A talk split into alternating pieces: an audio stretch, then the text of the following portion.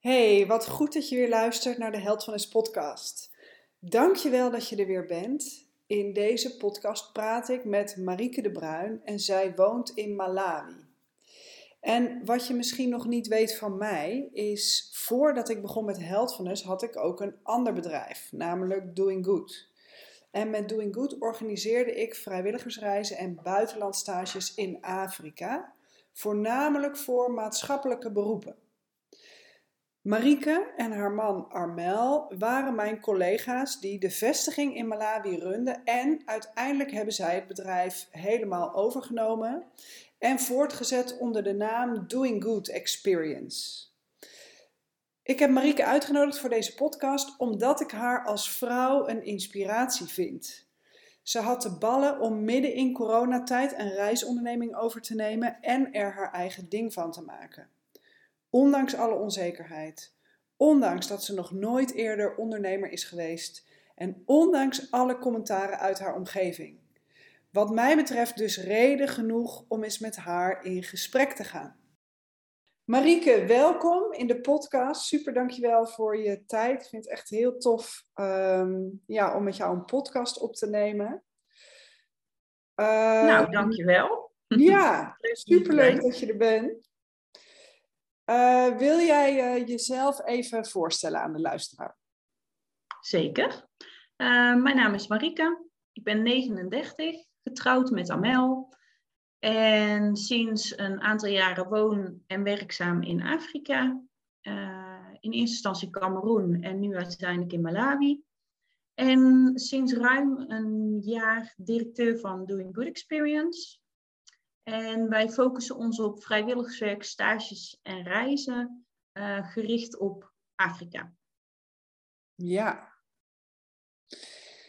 En uh, dankjewel. En uh, Armel en jij hebben vorig jaar iets gedaan wat dus voor veel mensen waarschijnlijk iets is dat ze niet zo snel zouden doen. Hè? Want nou, jullie hebben een reisonderneming uh, voortgezet, overgenomen. En, um, maar goed, de, de, omstandigheden in de wereld uh, hebben nogal wat impact op de mogelijkheden om te reizen. Dus wat heeft gemaakt dat jullie daarvoor gegaan zijn, ondanks de situatie in de buitenwereld? Ja, nou ja, het grappige is dat we best wel van veel mensen dit hebben gehoord. Um, een aantal mensen zeiden ook echt, waarom ga je in hemelsnaam een bedrijf overnemen in corona? En natuurlijk hebben we ons verdiept uh, in het bedrijf zelf. En we waren natuurlijk van tevoren al wel werkzaam binnen Doing Good. Dus dat scheelt al hoop. Je kent het bedrijf, je kent de missie en visie. Um, en ja, je bekijkt de mogelijkheden, net als wat je normaal zou doen buiten dat het corona is. Um, maar eigenlijk was gewoon het gevoel goed. Um, eigenlijk hadden we gewoon het gevoel van dit, dit komt voor ons op een mooi moment. Het is een super uitdaging, het is een geweldige kans. We voelden ons ook heel vereerd dat we dit mochten doen.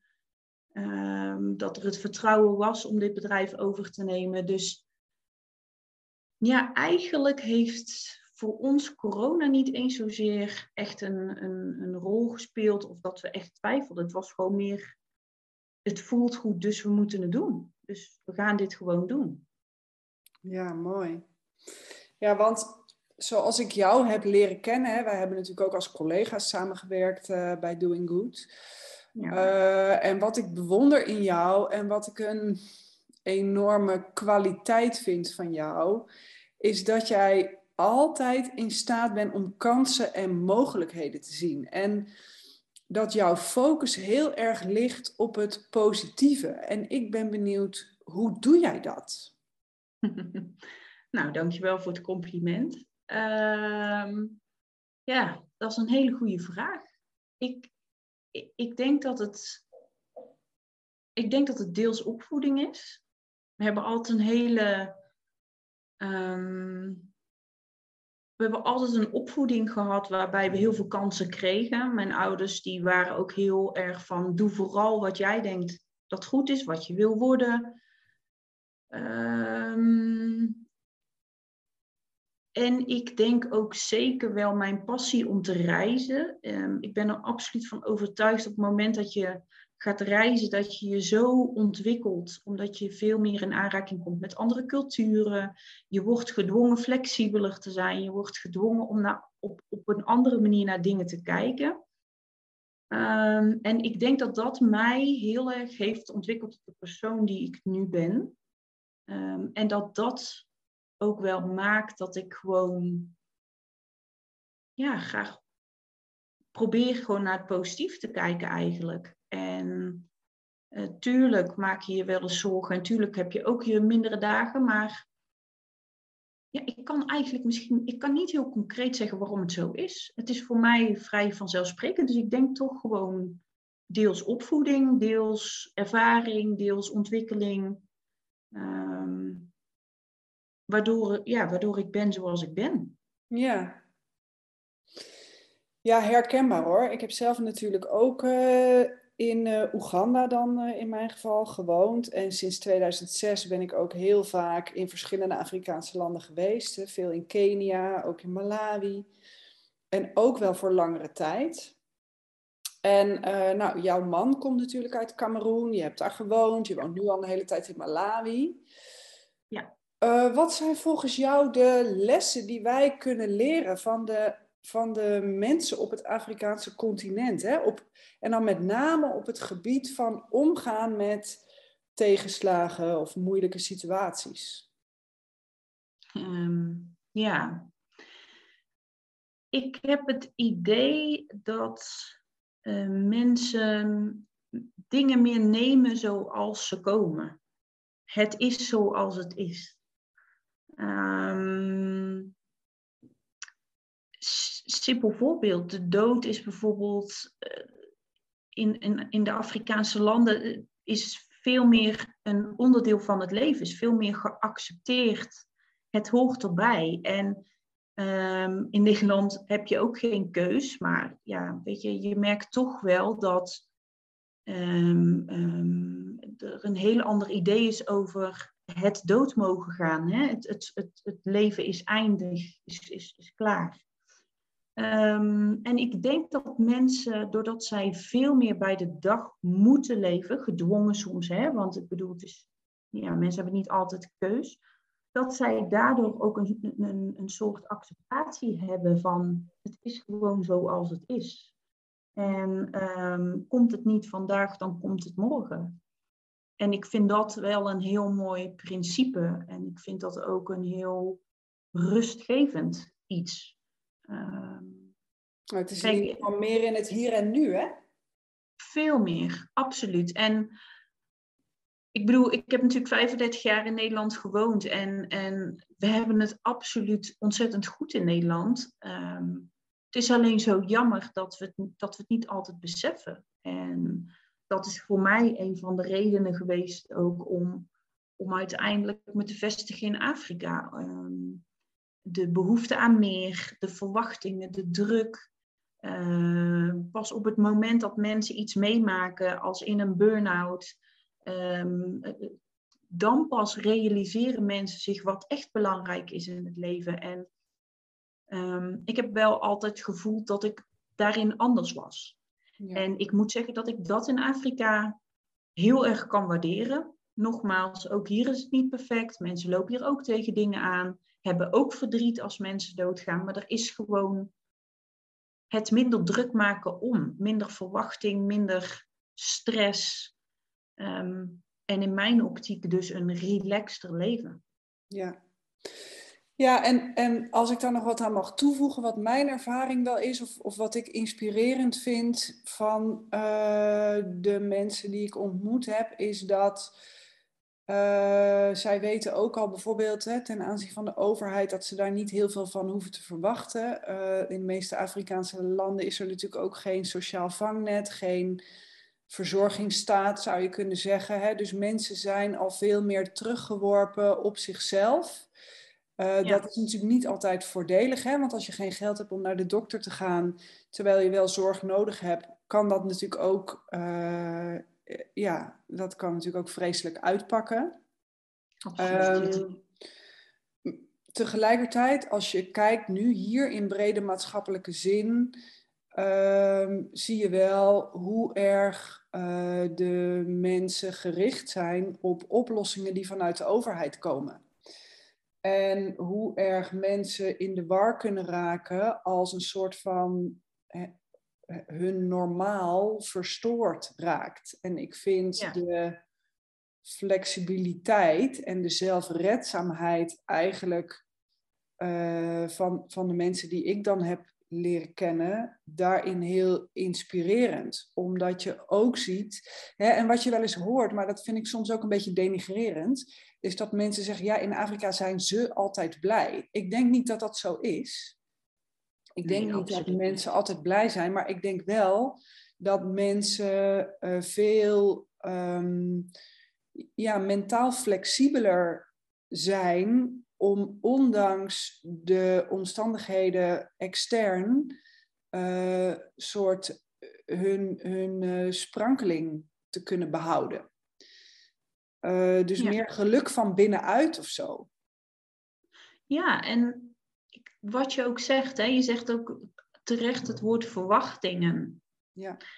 Um, bij, in Nederland is het tegenwoordig heel normaal dat jij zegt: Ik heb recht op, ik eis. Um, ik verwacht dat jij. En um, wat je ook merkt, het wordt ook steeds individualistischer in Nederland. Ik ga voor, ik dit, ik dat, ik heb geen tijd om. En tuurlijk, het, dwingt, het systeem dwingt ons ook uh, tot bepaalde keuzes en tot bepaalde situaties. En, maar ik denk ook in Afrika dat mensen. Um, er is in zoverre een sociaal vangnet, is dat mensen wel meer voor elkaar klaarstaan, vooral families. Um, je ziet toch vaker dat er onderling, um, dat mensen elkaar onderling veel meer helpen. Ja. Um, en, en makkelijker zeggen van oké, ik help jou met of ik doe dit voor jou of, of in dat opzicht. En dat dat stukje verwachtingen dus veel lager ligt. en de sociale verbinding eigenlijk veel hoger, hè? Ja, in Nederland brokkelt dat veel meer af. Ja. Het, de laatste keer dat ik in Nederland was, gewoon een, een, een simpele hallo op straat. Het is gewoon voor het zeldzaam, want we zijn veelal gefocust op onszelf. En ja. dat, is, dat is, nou ja, hier in Malawi is dat gewoon normaal. Of je iemand nou kent of niet, dat wordt heel makkelijk gezegd, hey, how are you? Ja. En dat, dat, dat voelt leuk, fijn, je voelt je gezien.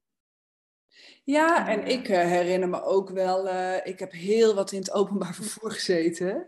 Hele gesprekken met mensen heb je. Uh, en mensen onderling ook, hè? Dus niet alleen omdat jij een soort bezoeker bent en dus een afwijker, maar mensen praten makkelijker met elkaar. En, en wat ik ook vind, is dat ook bijvoorbeeld kinderen veel makkelijker, en, en dat wordt ze ook meer geleerd, uh, veel makkelijker bijvoorbeeld voordrachten doen of het woord nemen.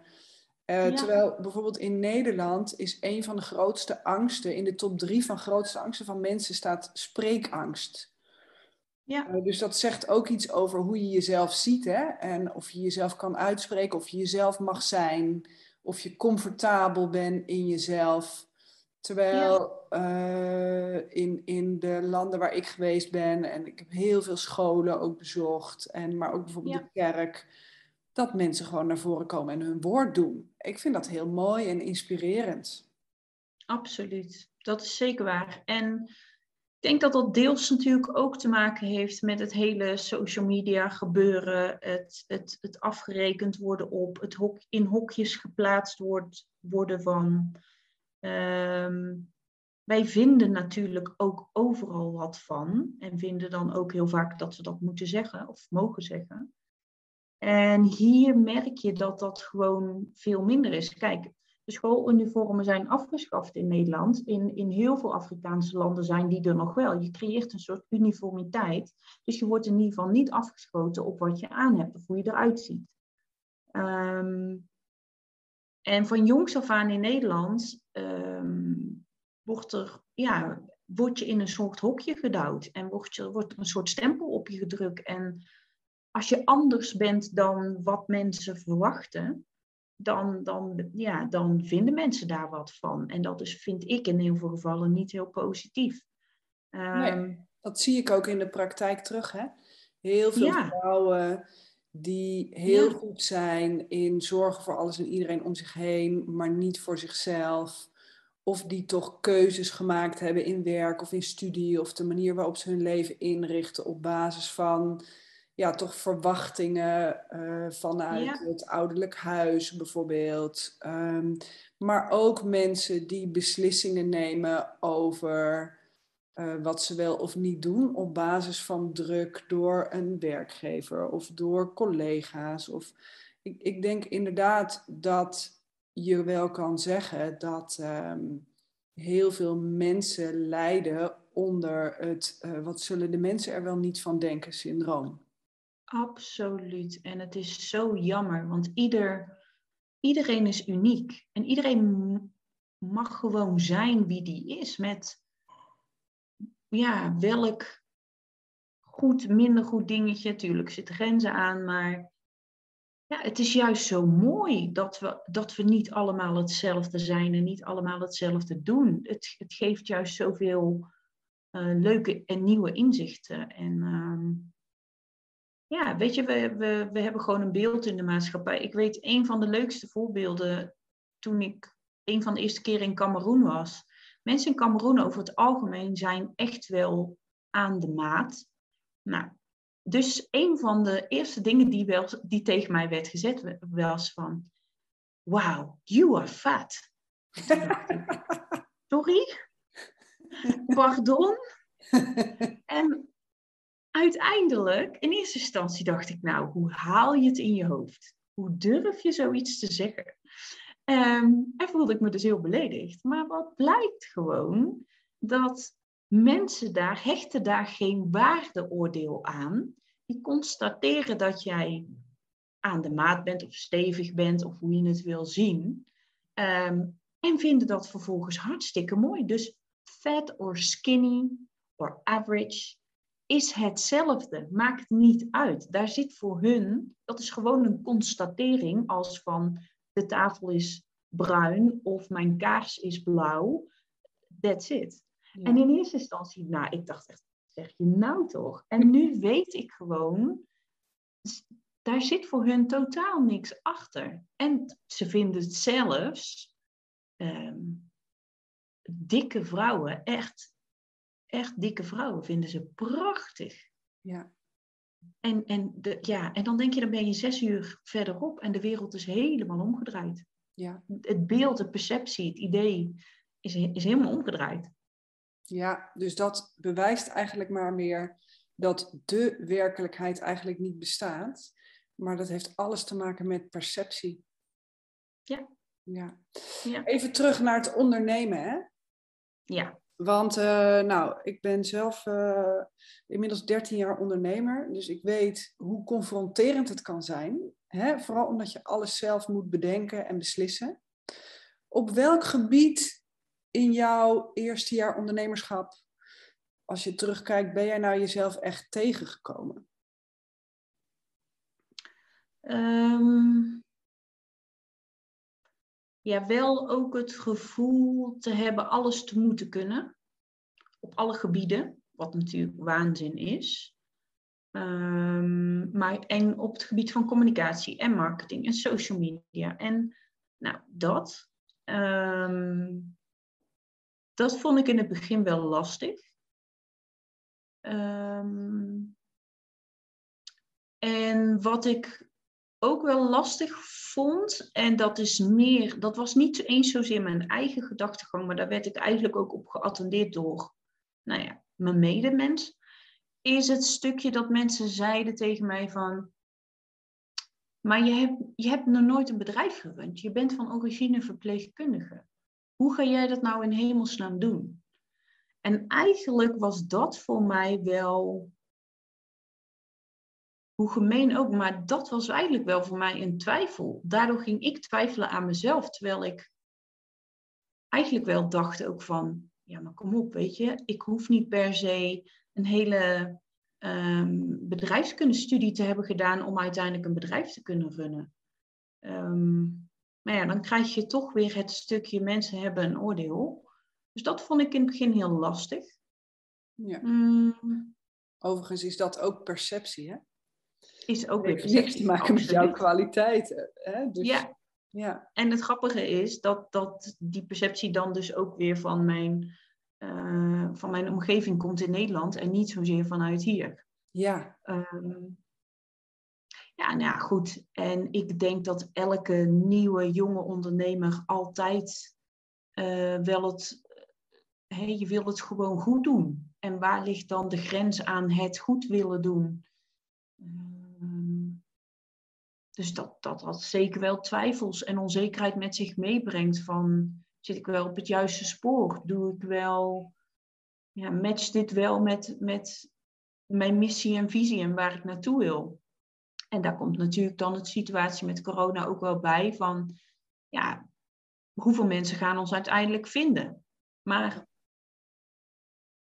ja, ik denk dat dat grotendeels ook wel normaal is en dat dat ook helemaal niet verkeerd is om dat soort gevoelens te hebben. Nee. En even voor de goede orde, want ik, ik weet natuurlijk uh, een beetje hoe jij het doet. Ook omdat ik dat uh, natuurlijk uh, vanuit mijn hart ook wel een beetje volg. Ja. Ik denk dat er menig ondernemer is die een voorbeeld kan nemen aan hoe jullie het gedaan hebben. Zowel organisatorisch als financieel, zeg maar. Oh, nou, dankjewel. Ja, hey, en um, want je zei dat was mijn grootste twijfel. Hoe kijk je dan nu naar de tijd die voor je ligt? Wat neem je dan mee aan lessen uh, naar Nou ja, het komende jaar of de komende jaren? Nou ja, de conclusie is dus dat je niet alles hoeft te doen uh, in je eentje.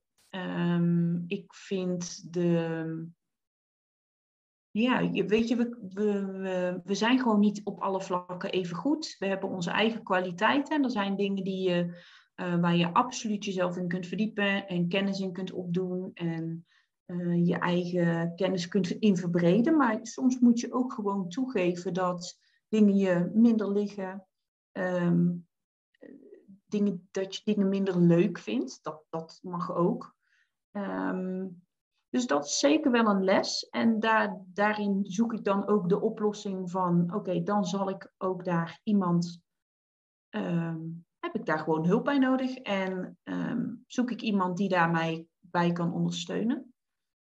Ja. Um, en wat ik ook wel heel erg heb geleerd en wat voor mij ook wel absoluut een drijf is, is uh, niet de focus leggen op wat ik toch niet kan veranderen. Dus de coronasituatie, het aantal mensen wat komt door of niet komt door die situatie, maar vooral focussen op van welke kwaliteiten hebben wij en hoe kunnen wij die onder de aandacht brengen. En dan is de keus nog steeds aan die mensen uh, of dat ze dat wel of niet doen, maar dan weet ik dat ik in ieder geval mijn best heb gedaan.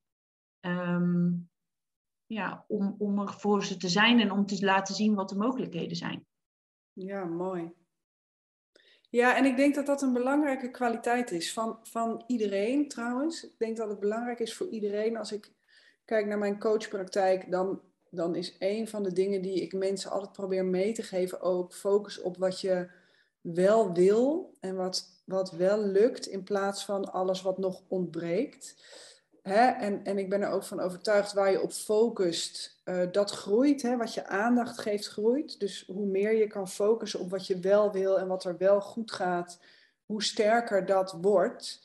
Uh, En ja, het scheelt ook gewoon een stuk voor je humeur, zeg maar. Je dag wordt altijd leuker als dingen, als je kan focussen op de dingen die goed gaan en goed zijn, zeg maar. Ja, waar je invloed op, op hebt. Dat is zeker zo. Het is gewoon... En ook gewoon accepteren, hè, dat, dat je gewoon... Ja, je hebt ook gewoon, net als ieder ander mens, ondernemer of verpleegkundige of leraar, je hebt gewoon je mindere dagen. En soms lukken dingen niet zoals je het in je hoofd hebt. En dat is ook oké. Ja. Um, ja, je ligt met vallen en opstaan. Uh, en, en ja, het is ook goed om erachter te komen wat je niet wil. Ja, absoluut. Is er zo aan het einde van de podcast nog iets wat je zou willen toevoegen? Oh, ondertussen hoor je mijn hond uh, aankomen lopen, dus je hoort getrippel op de vloer. Is er aan het einde van de podcast nog iets wat jij zou willen toevoegen? Um, nee, weet je, eh, het enige advies, en voor mij is dat misschien vanzelfsprekend, is, is wat ik mensen wil geven, is van doe vooral waar je gelukkig van wordt. Weet je, je hebt maar één leven en leef het niet voor een ander. Hou rekening met een ander, respecteer een ander, maar leef het wel voor jezelf. En ja. stap van die gebaande paden af. Weet je, maak voor jezelf de keuze om te doen wat je echt graag zou willen, diep in je hart. En niet omdat een ander zegt dat je het niet kan, of dat een ander zegt ja, maar. Nee, weet je, er zullen, mensen hebben er altijd een mening over, zullen er altijd iets van blijven vinden. Maar dan kun je het maar beter wel zo doen dat jij er dan in ieder geval gelukkig van wordt. Ja. Dus dat is wel echt iets wat ik mensen mee wil geven. Van, wees niet te hard voor jezelf, maar volg wel je hart. Ja, mooi. Ja, en weet je, kijk tegen mij uh, toen ik uh, stopte met uh, Doing Good en begon met Heldfulness, hebben best veel mensen tegen mij gezegd: Oh, je bent nu heel wat, je bent een heel andere kant op gegaan. Mm nou, ik snap van de buitenkant dat het zo lijkt, maar voor mij is dat niet per se zo. Omdat um, met Doing Good en met de Afrika-reizen was mijn missie ook om mensen een bredere perceptie op het leven te geven, om ze een kans te geven om een persoonlijke ontwikkeling op te doen. Hè? Net wat jij net ook zei, van uh, je kan zoveel leren ook van andere culturen en, en van jezelf, hoe je in een andere cultuur bent, hè? als je vertrouwde referentiekaders wegvallen. En uiteindelijk is dat nu in mijn praktijk uh, wat ik ook nog doe, uh, de, de perceptie van mensen verbreden, openbreken, um, hè, om, om uiteindelijk uh, zichzelf beter te leren kennen. Dus wat dat betreft ligt ons werk, wat jij nu doet en wat ik nu doe, best dicht bij elkaar. Dus in dat kader, als mensen denken, nou, super interessant wat uh, Marieke doet. Ik ben wel benieuwd naar de mogelijkheden. Waar kunnen de luisteraars meer informatie vinden? Ja, um, nou ja, via, in ieder geval via onze website uh, www.doinggood.nl. Uh, lukt het niet qua spelling, dan kun je altijd gewoon vrijwilligerswerk Afrika invoeren of via Google. Um, ja, ze mogen ja. me altijd mailen. Want doing good is met één G en drie O's, hè? Doing ja. good met één G en drie O's.nl. Ja, ja? De, de, good is met drie O's, één G. Ja. ja. En um, nou ja, we zijn te vinden op de social media kanalen. Uh, dus, uh, met mooie, inspirerende en informerende filmpjes en foto's. Um, dus ja, dat, dat kan. Dat zijn uh, zeker de mogelijkheden.